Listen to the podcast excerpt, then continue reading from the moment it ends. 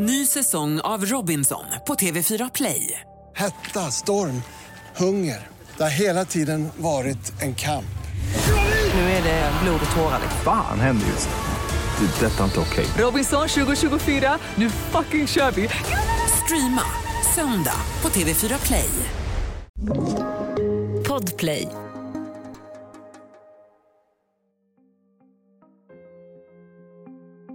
Sveriges Television är under press. Det ena fiaskot har avlöst det andra. Nu gäller det för tv-bolaget att ta fram ett underhållningsprogram som svenskarna faktiskt vill se.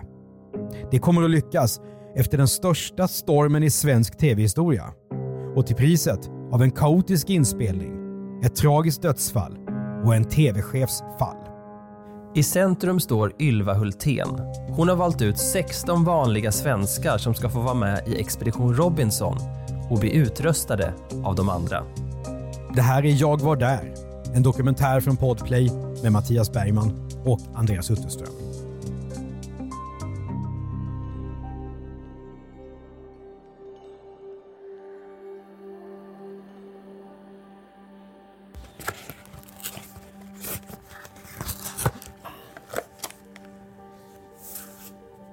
Och när de kommer i båtarna, det är sån gåshud.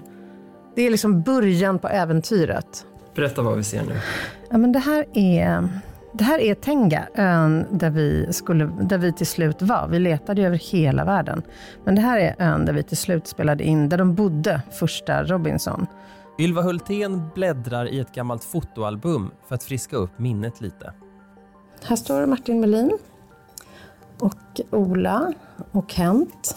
Hon berättar om inspelningen av den första säsongen av Expedition Robinson. Ja, men alltså det är så folk minns ju det här som så snygg och fantastisk produktion. Det är, alltså det är ju... Ah, alltså det är så mycket fruktansvärda saker. Alltså det är inget mindre än ett mirakel att, att, att det här faktiskt hamnar i rutan. Och jag är inte säker på att vi ens på riktigt eh, trodde att det skulle bli så. Men vi tar det från början.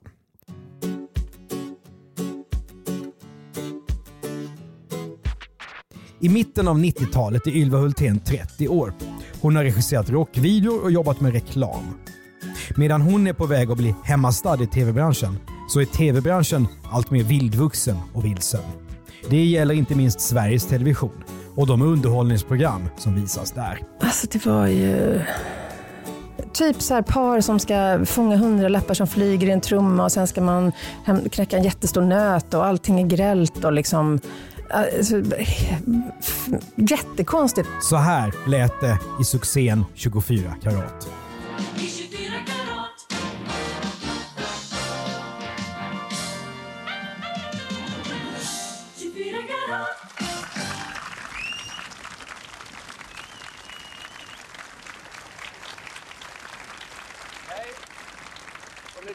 Välkomna till det 20 faktiskt, 24 karat. genom- Ylva pratar om trevlig helg-tv med Harald Treutiger. Men konkurrensen från kabel och satellit-tv har drivit SVT att göra några brutala felsatsningar på 90-talet. Som tävlingsprogrammet Rena natta. Där folk ja, men typ skulle göra allting i mörker. Ja, det var också konstigt. Ingen visste vart tvn var på väg och jag tror alla letade efter någonting nytt. Det är 1997 och Ylva Hultén träffar den dynamiska Anna Bråkenhielm, producent på Strix Television. Bråkenhielm har köpt formatet till en helt ny typ av tv-program och sålt den till Sveriges Television. Och nu ska Ylva jobba med programmet. Sveriges Television satsar stort. Ingen kanal i hela världen har kört Expedition Robinson. Men tv-bolaget måste ju revanschera sig efter alla misslyckanden. Det gäller att ta fram ny, bra och bred fredagsunderhållning. Ett program som ska tävla med TV4s massiva succé Bingolotto som sänds samtidigt och lockar en säker miljonpublik. Ylva och hennes kollegor på produktionsbolaget Strix samlas på en kursgård i Stockholms skärgård. Nu ska de lära sig formatet. Alltså fatta receptet på hur Expedition Robinson ska göras. Som hur tävlingarna går till och hur man ska klippa ihop allt för att skapa spänning. Hjärnorna bakom programidén, som britten Charlie Parsons, är på plats. Den svenska Robinson-programledaren Harald Treutiger säger senare i en dokumentär en binge bögar kom in och berätta hur vi ska göra. Har han sagt en binge bögar? Men vi hade hållit på att liksom fantisera om och prata om hur vi ville göra programmet och sådär, men hela tiden väntat in att engelsmännen skulle komma och liksom, ja, men på något sätt ge oss nycklarna, berätta, liksom, ja, men komma med sin visdom. Och så kom de in och då blev det liksom helt konstigt. Det var som att vi liksom sprang in i samma dörr från varsitt håll. För de var så här, hur har ni tänkt göra? Vi fattar inte. Och vi var så här, men ja, men hur ska vi göra? Vi vet inte. Tävlingarna var mycket så här, ja men kanske kan vi ha en sockerkaksbakningstävling. Och man bara, hur då? Ja, nej, men att man kanske bakar en sockerkaka med det man har på ön, vad man hittar. Bara, alltså, har ni bakat en sockerkaka någon gång? Man gillar ju att det är en sån grej som man alltid har pratat om. Vad ska du ta med dig till en öde ö? Och man, man funderar med en gång börjar man tänka själv, hur skulle jag klara mig? Och, Vad tänkte du då om det här programmets potential? Alltså först så tror jag man tänkte så här, shit vilket jävla äventyr, det är helt sjukt. Ska vi åka utomlands och liksom bo där i typ två månader? Och det har aldrig gjorts, så man kan få liksom, men det är ju roligt. Alltså det är alltid kul att göra svåra grejer. Och det är roligt att göra något för första gången. Det här är konceptet Expedition Robinson. 16 svenskar åker till en så kallad öde ö. De tävlar i lag och enskilt för att vinna fördelar. I sista avsnittet återstår en vinnare som åker hem med 500 000 skattade kronor. Svenskarna är vana vid tävlingslekar på TV, men nu ska de få lära sig ett nytt ord. Öråd. I slutet av varje Robinson-avsnitt ska en deltagare röstas ut av de andra. Deltagaren säger adjö och skickas hem. Detta är något fullständigt nytt. Och på Kursgården får nu TV-teamet och Ylva Hultén känna på vad det egentligen innebär. Hur kommer det att funka att rösta ut någon? Och då i slutet på första dagen, då säger Harald, hörni jag har en döbra idé. Vi gör så att vi röstar nu vem det är som har bidragit minst idag och den får åka hem. Och då, alltså det blev sån, alltså när en stämning bara, men du vet, vadå? Men vi kan väl inte hålla på och rösta? Nej men det är väl jättebra att vi fattar hur det kommer att kännas. Men det behövdes liksom inte röstas för att man fattade med en gång hur det skulle kännas. När Ylva berättar om förberedelserna är det tydligt att bladet är blankt. Teamet vet inte ens var programmet ska spelas in.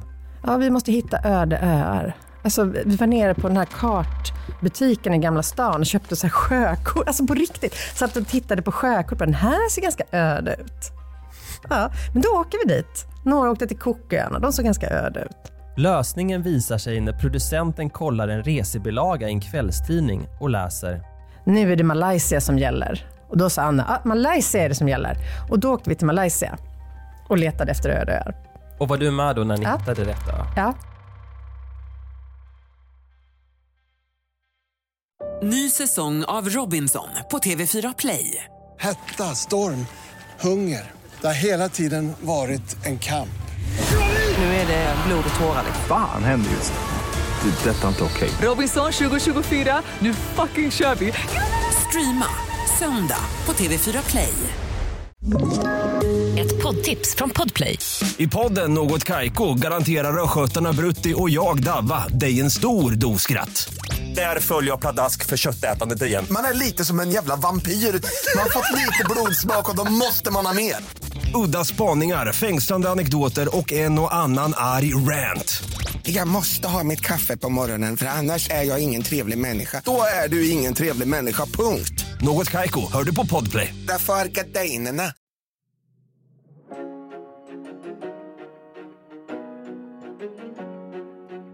Dags att ordna deltagare till den nya lördagsunderhållningen. Ylva Hultén gör en castingfilm där Harald Treutiger går runt på Torö i Stockholms skärgård och uppmanar SVT-tittarna att ansöka. Vad letade ni efter? Hade ni, hade ni olika personas som ni ville ha med? Vi hade ingen, man får testa allt man testar. Så vi tittade lite på, vi pratade med psykologer och så här, tittade på de här, jag kommer inte ihåg vad det heter, som amerikanska flottan gör, där man liksom är så här, det finns de här sju människorna i en grupp. Liksom. Det finns en mamma, det finns en clown och det finns, ja, så. Eh, så att det var så här, det, vi kommer ju landa i de här mm, typerna. Men vissa träffade mig och så var det så här, det är klart att den här människan kommer att komma med. Och det är några som inte kom med som jag fortfarande är så här, "Åh, man borde ringa upp dem och ta med dem i något program kanske. Man kommer ihåg typ alla. Av 6 000 personer som skrivit brev går 500 vidare till intervju. 40 av dem får göra tester. Sedan väljer Ylva och hennes kollegor ut de 16 deltagarna. Några av dem kommer att stanna i svenskarnas kollektiva minne. Martin Melin intervjuade jag på Medborgarskolan tror jag i Vasastan.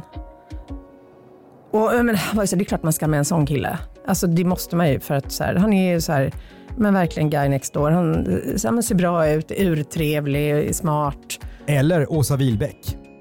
Åsa skickade alltså en ansökan som var, jag tror den innehöll 28, eller den var nog på 32 sidor tror jag. Och så var det 28 olika betyg och rekommendationer. Men hon är urhärlig och liksom så jävla målmedveten. Hon var ju en helt fantastisk tävlande. Enastående tävlingsmänniska. Inte många i Robinson som har vunnit så många individuella tävlingar. Och den karismatiske Kent Larsen. Kent, alltså, ja, det räcker med att Kent är Kent såklart. Men han sjöng salmer jättehögt. Envisades med att sjunga salmer typ halva vår intervju. Tänkte du att de här personerna kommer bli stora kändisar? Nej. Alltså inte så stora kändisar. Varken jag eller de vet vad de har att vänta sig. Alltså nu vet ju alla, det är ju inget konstigt. Alla förstår hur det är att vara en vanlig som blir kändis på TV. Alla förstår liksom vad som händer. Ingen förstod liksom då hur, så här, jaha, ska jag bara bo där? Ja, du ska bara bo där. Ön Tenga är utsedd till Robinsonö. Deltagarna packar väskorna. Teamet preppar för att spela in det som ska, måste bli en succé.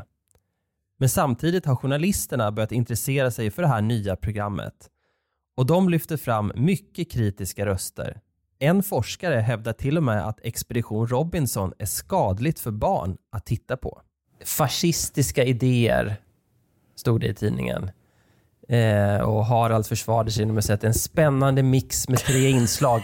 Såpa, pratshow och tävlingar. Och så sen då, det blir Rederiet 24 karat och Oprah Winfrey i ett och samma, i samma program.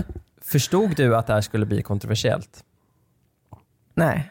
Alltså, nej. Inte att det skulle bli så här. kommersie- Det tror jag ingen av oss förstod. Det är ju ändå bara TV. Sommaren 97, då är det inspelning.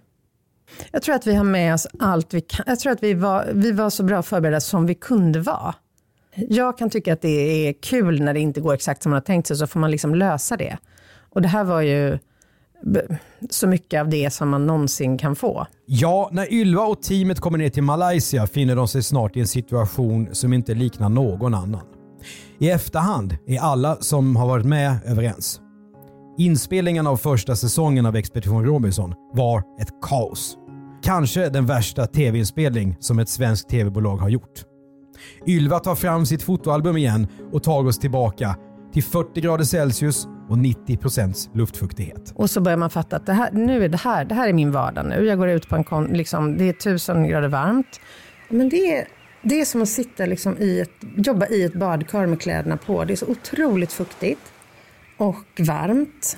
Det fanns inget internet. Vi hade typ nästan inga datorer och det fanns ju inte mobiltelefoner heller. Så att vi hade liksom ett radiosystem, men det funkade inte heller.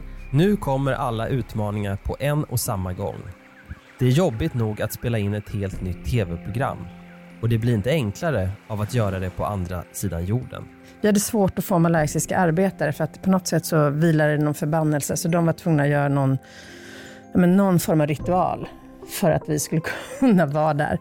Vi skulle gärna vilja hyra en orm och skulle man kunna få låna det från något zoo, det är inga problem. Och sen kom de med den här jättestora pytonormen. Och då frågade jag nämligen varför den är tejpad. Men då visade det sig att den kom inte alls från något zoo. De har ju plockat den på någon gummiplantage på ön. Så att, eh, Så ormen har tejpad mun alltså? Ja, men jag tog bort tejpen så man kan inte tejpa ormen. Det är ju förskräckligt. Men de två båtarna var liksom de, de farkoster som skulle hålla hela den här produktionen flytande. Och det är liksom, man kan ju inte glömma någonting heller för då försvinner ju, ja men glömmer jag liksom vad det nu är för viktig tävlingsgrej på mitt rum, då, för, då försvinner ju den i två timmar. Och sen så går det runt någon slags konstiga också vilda kor som är överallt på den här ön. De har vi liksom inte riktigt sett tidigare. Så de yrar runt och vi ska åka liksom allt vårt bagage och då fattar vi också hur krångligt det kommer bli att få liksom all utrustning dit. För vi har ju jättemycket grejer som ska komma från Sverige. Det är ju helt eh, otroligt att det blev.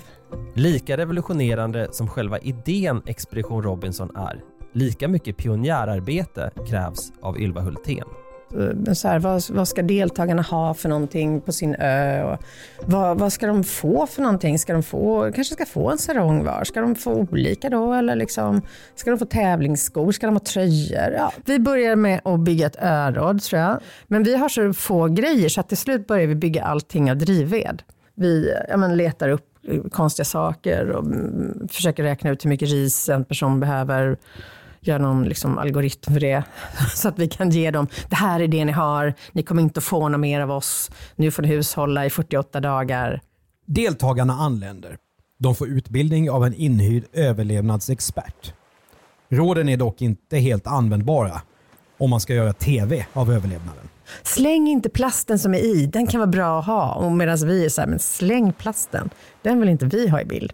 Så, att, och så ska han lära dem liksom vad som är giftigt och inte och det är ju helt, eh, alltså, vem ska veta vad de kommer att snorka upp på den där ön? Så att den, den utbildningen var ju inte helt meningsfull. När det är riggat så gott det går är det dags att starta själva äventyret. Mellan tagningarna byter Harald Treutiger från kakig dräkt med djungelhatt till en gul tröja med Spola Kröken-logga. Att spela in försvåras av att teamet har glömt bort tidvattnet. I ett slag blir strandlinjen plötsligt högre och missräkningarna är fler. Och sen när vi ska spela in då inser vi också att då är det någon slags ostronskörd. Så att, men det, ja, sånt händer liksom hela tiden och det är så någon, någon japansk eh, skolgrupp som alltid får åka dit en dag. Så den dagen kan inte vi... Så det dyker upp så här konstiga saker hela tiden. Okej, nu, ehm, nu kör vi. I värsta fall så är det bara en massa folk som bor på en ö.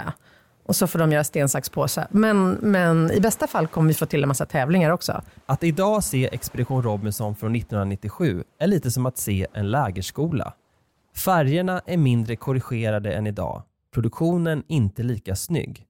Och dramatiken mellan deltagarna den är inte alls särskilt uppskruvad. Kom ihåg att begreppet reality-tv inte finns vid den här tiden.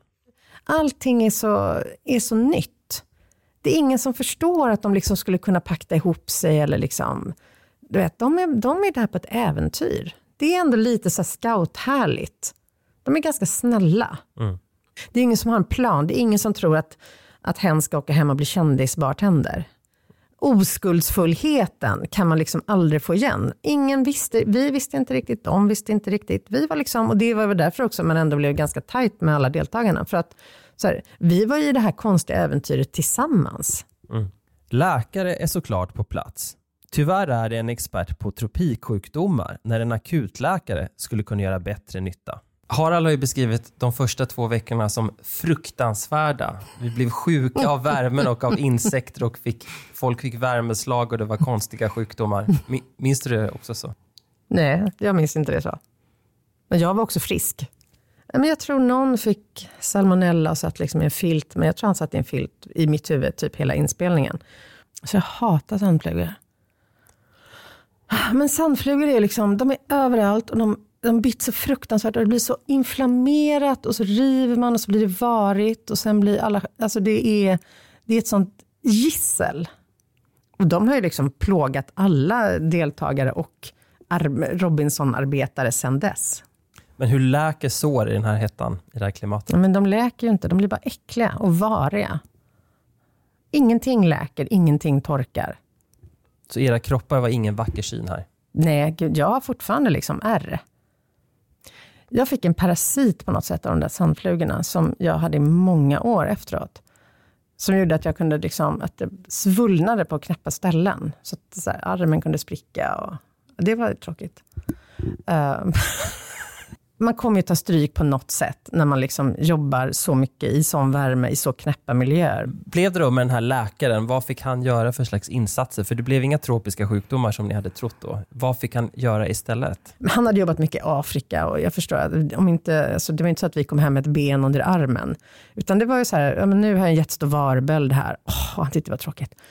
Är man inte lite tränggående så är det fruktansvärt att hamna liksom i någonstans med det tempot och det var så fysiskt och man ska liksom bära allting överallt. Det är som någon skulle säga, ja, välkommen till jobbet, du ska bära ditt skrivbord upp sju trappor och sen ska du bära ner det igen när du är klar. Det är ju inte lätt. Det är klart att folk blir trötta och det är inte som ett vanligt jobb. Så här, hade det hänt någonting på stranden, så här, oj, nu får, sådana saker som har hänt sen, nu får någon, um, nu får någon stroke då hade vi inte liksom haft den eh, backupen som vi hade behövt. Expedition Robinson är som sagt oerhört viktigt för Sveriges Television. Nöjeschefen Pia Markvart som har bestämt att satsa på programmet, kommer själv ner till Malaysia på besök. Hon får hjälpa till att bära vatten. Och pappan till hela idén, engelske Charlie Parsons, reser också ner till inspelningen med, alltså han har, jag tror att han har också en satellittelefon. Så att han kan ringa hem till Gary Carter som är liksom den andra super tv-stjärnan på det där bolaget. Och så skriker han att det är som kriget. It's like the war! It's like the war here! Vi har haft en blåsrörstävling och då har vi blåst upp massa, massa, massa heliumballonger.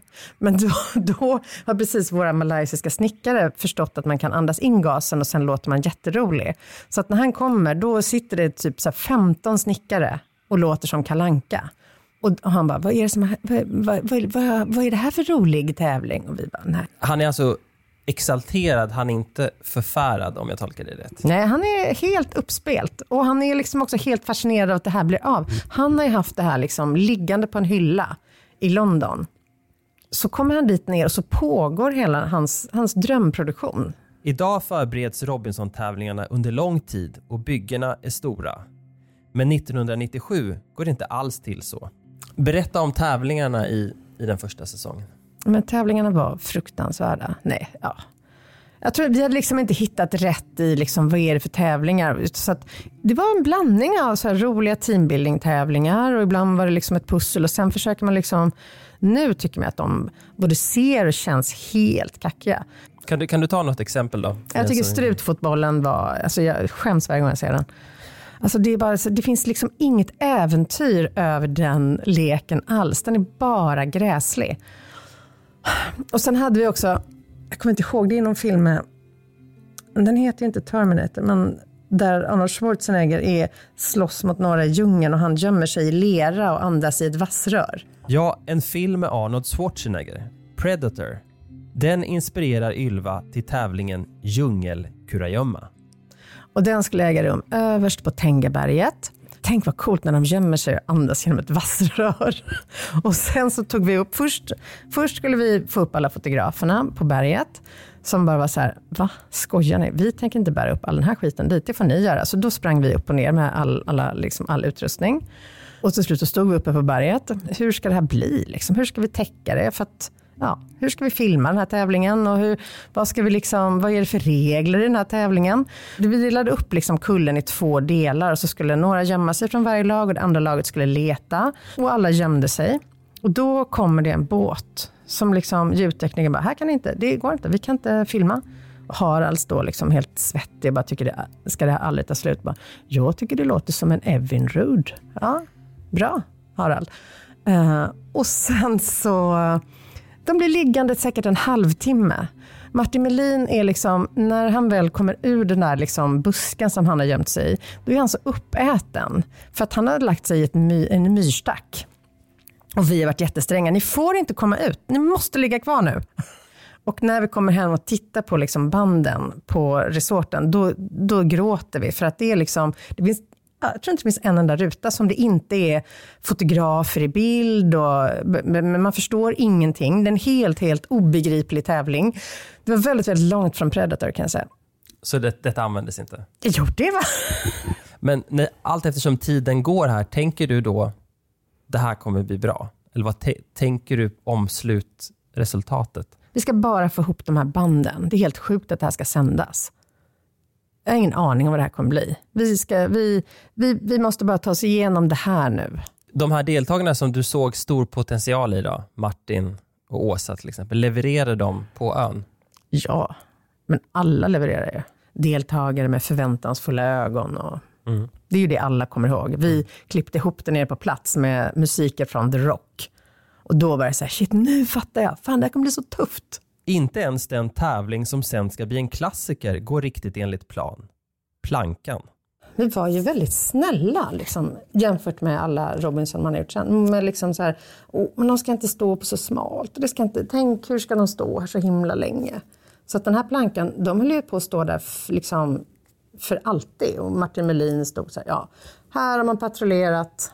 Men de stod så länge så att till slut fick vi liksom lägga, vi ställde kalla colaburkar på plankan. Och bara, nu måste ni böja er ner, ta burken.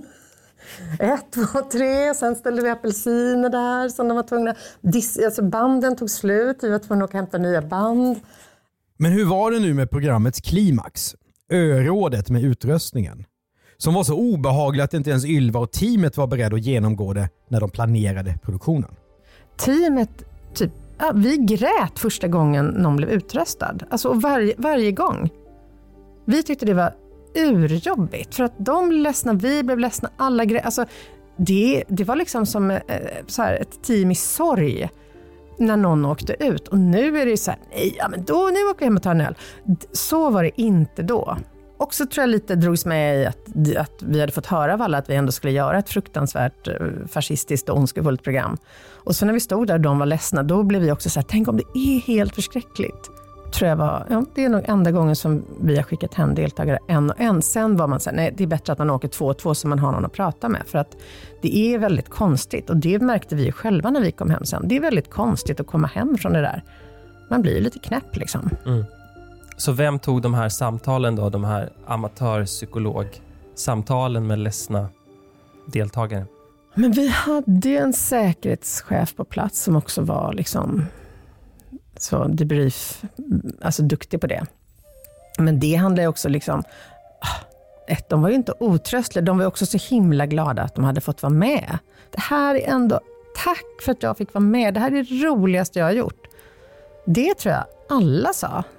Jag tror, jag tror det är nog den produktion där man var ändå liksom tajtast med deltagarna. För att så här, det var också, men jag tror vi behövde det och vi insåg ju också ganska snabbt att vi inte skulle kunna vara där och filma hela tiden.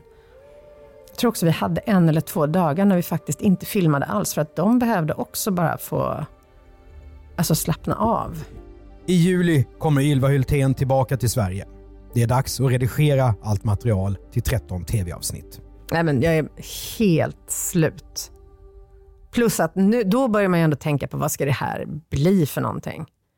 Jag ska vara på SVT ihop med de som sitter där och sen så, ja, men vi ska sitta där och klippa och jag ska också göra alla trailers till det här programmet. Av någon anledning. Och jobbar också med webbsidan.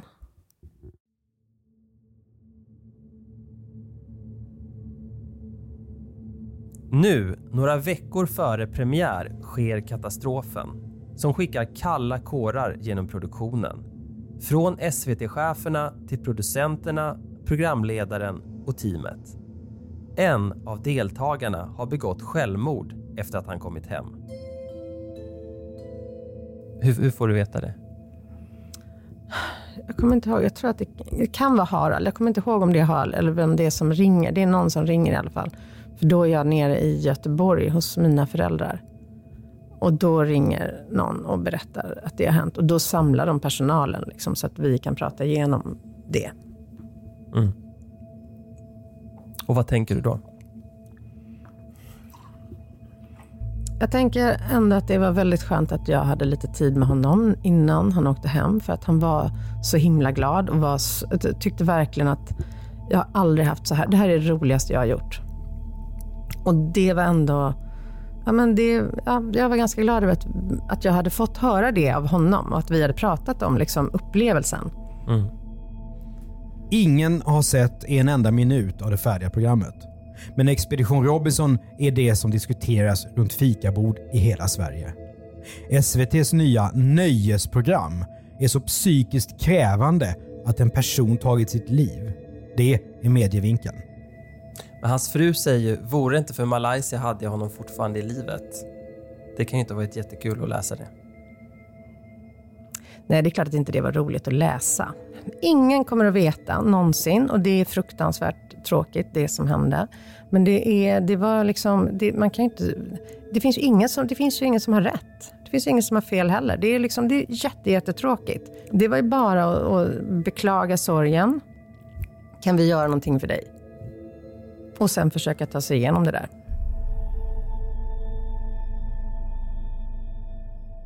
Kvällstidningarnas krönikörer är överens. Sänd inte programmet SVT. Mediedrevet blir hysteriskt. Fast jag, tror- jag tror vi alla blev tagna på sängen av hur, alltså hur enormt, vilket tryck det var från media. Så var det så, alltså tidningarna var så tuffa.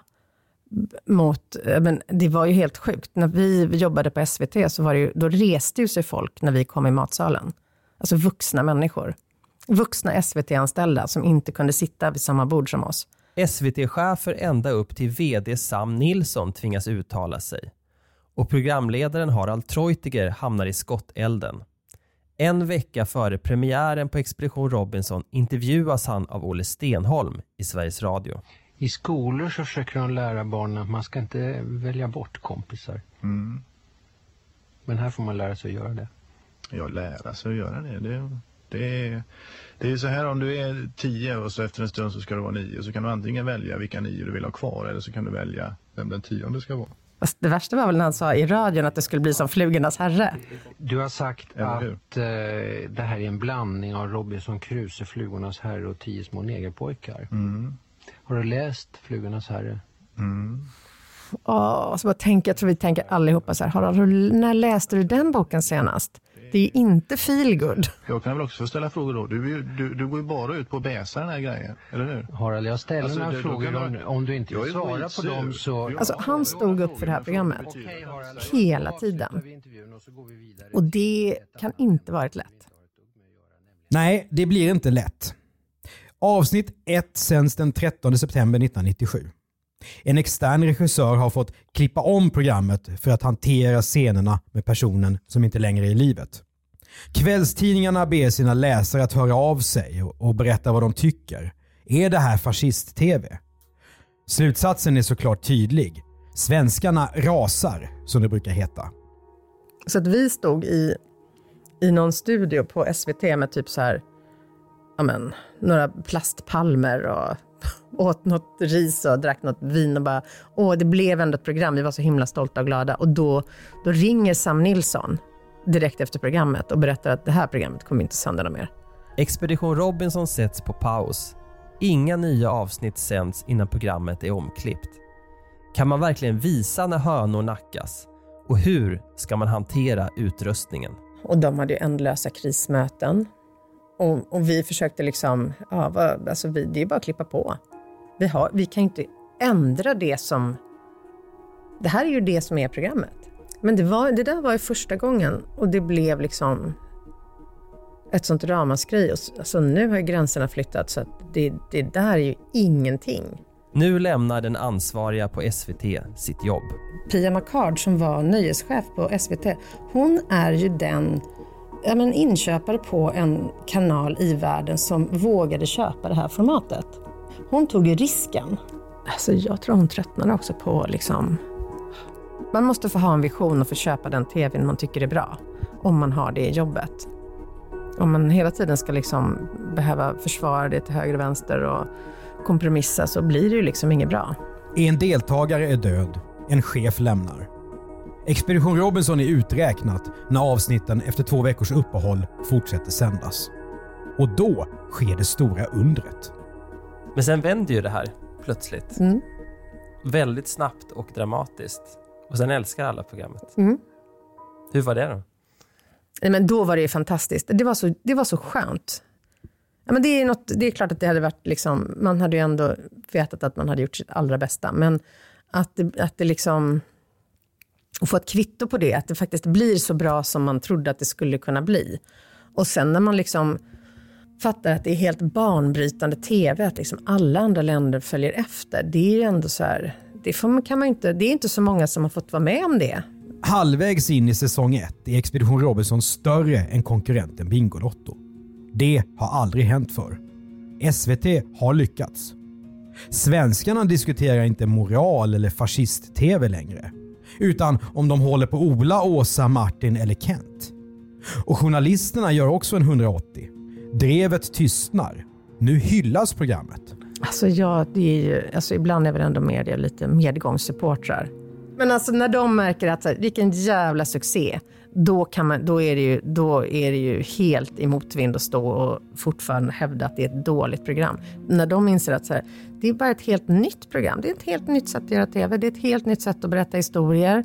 Det är ett helt nytt sätt att följa liksom, vad som händer med människor. Plötsligt så fanns det liksom, så såg de en massa andra saker i det tror jag också. Från att se Expedition Robinson som ett äventyrsprogram med stenhård utrustning börjar publiken prata om det sociala spelet istället. Som deltagarnas viktnedgångar.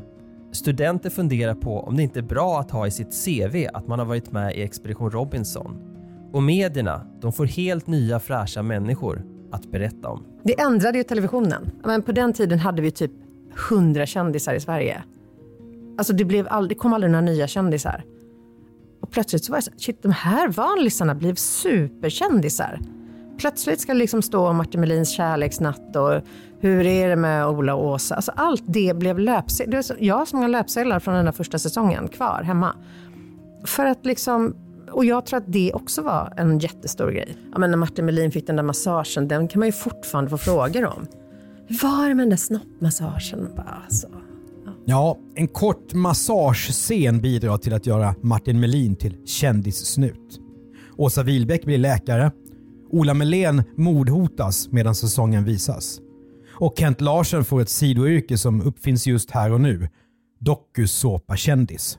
Det vill säga någon som kan tjäna pengar på att åka runt som kändisbartender på svenska stadshotell. Det handlade ju aldrig om vem som vann. Det är, den, det är, inget, det är inget sånt så här, vem är det som vinner? Berätta, berätta, berätta. Det var liksom ingen grej. Det var mer liksom så här, är han sån? Är det så? Ja, är det på riktigt? Bor de verkligen där? Fascist-tv, farligt för barn, mobbningslek. Nu pratar ingen längre om den tragiska händelsen med den döda deltagaren. Men till kommande säsonger lär sig Ylva och kollegorna mycket om hur Expedition Robinson ska produceras och inte minst vilka som är lämpliga som deltagare. Jag tror att det vi faktiskt gjorde var att vi tittade sen mer på vad människor har runt omkring sig. För att jag tror vi fattade både för oss själva och för alla de deltagarna som hade varit med, att så här, man måste liksom ha folk att prata med. Och för att vi själva hade haft det, liksom, man måste ha folk att prata med. Om det blir jobbigt, om, man liksom, om det blir stort i media, om man gör bort sig eller liksom, då måste det finnas liksom folk runt omkring som är så här, de här kan jag alltid ringa. Mm. Så att man tittade lite mer på nätverket runt omkring. Luciadagen 1997 sänds den första säsongens finalprogram. 2,3 miljoner svenskar ser Kent åka ut i plankan och Martin Melin vinna det avslutande örådet. Och Ylva, Harald Treutiger, Anna Bråkenhielm och de andra på Strix kan äntligen ha en fest som inte slutar i moll med ett samtal från en SVT-chef. Då har han äntligen fått ta fram den där statyn också, ur, som vi har gjort av någon gammal drivvedspinne. Har du, har du tält den alltså? Ja, den, den har nog faktiskt jag gjort. Att lägga ner Robinson är nu helt otänkbart. Sveriges Television fortsätter sända programmet fram till 2003. Då har formatet Survivor blivit en global succé. Ylva Hultén arbetar med Expedition Robinson i 14 säsonger till, både på svenska och i andra länder. 2020 jobbar hon fortfarande med att utveckla tv-format det banade ju vägen för så mycket och en typ av tv som är, det är så konstigt att det blev så stort. Det trodde man ju inte när vi satt på Dalarö. Så då kunde man kanske inte se för sig att det här kommer bli tv-historia. Hur länge kan man köra Robinson tror du? Men jag tror man kan köra hur länge som helst. Grundkonceptet har alla fattat och det gör att så här, man kan göra nästan vad som helst med det. Alla vet ändå vad det är. Liksom. Vi har liksom, det är vårt kontrakt med tittarna. Det är det här vi gör. Ja, just det. Mm. Alltså det finns ju inget roligare program att jobba med. Det är så fruktansvärt roligt. Dels för att man kan hitta på så mycket nya grejer hela tiden. Och sen, är, alltså, sen får man ju se fantastiska miljöer. Men det är roligt att berätta historier i, liksom, i en så sluten kontext. Som så här, nu är de på sin öde ö, sen om de är på en strand eller det spelar ingen roll. Men så här, de är här och allt det här kommer att hända och sen kan man göra tusen twister. Och man tröttnar ju inte på nya människor. Det gör man ju inte. Det är superspännande. Så här kunde det låta i Sveriges Television.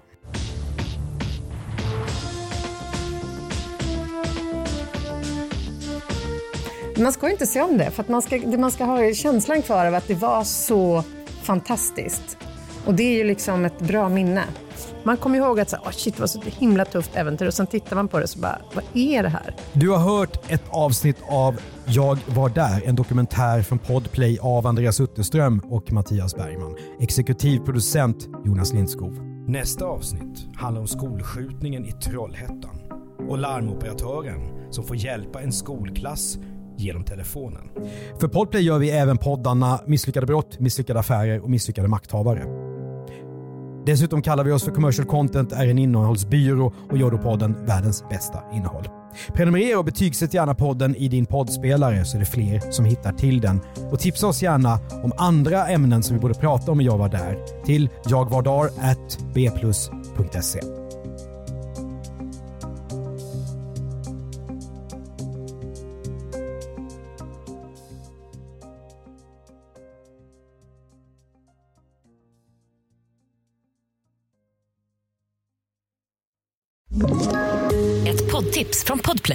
I podden Något Kaiko garanterar östgötarna Brutti och jag, Davva, dig en stor dos skratt.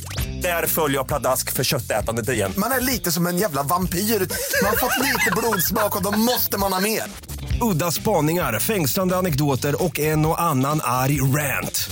Jag måste ha mitt kaffe på morgonen för annars är jag ingen trevlig människa. Då är du ingen trevlig människa, punkt. Något Kaiko, hör du på Podplay. Därför arkadeinerna.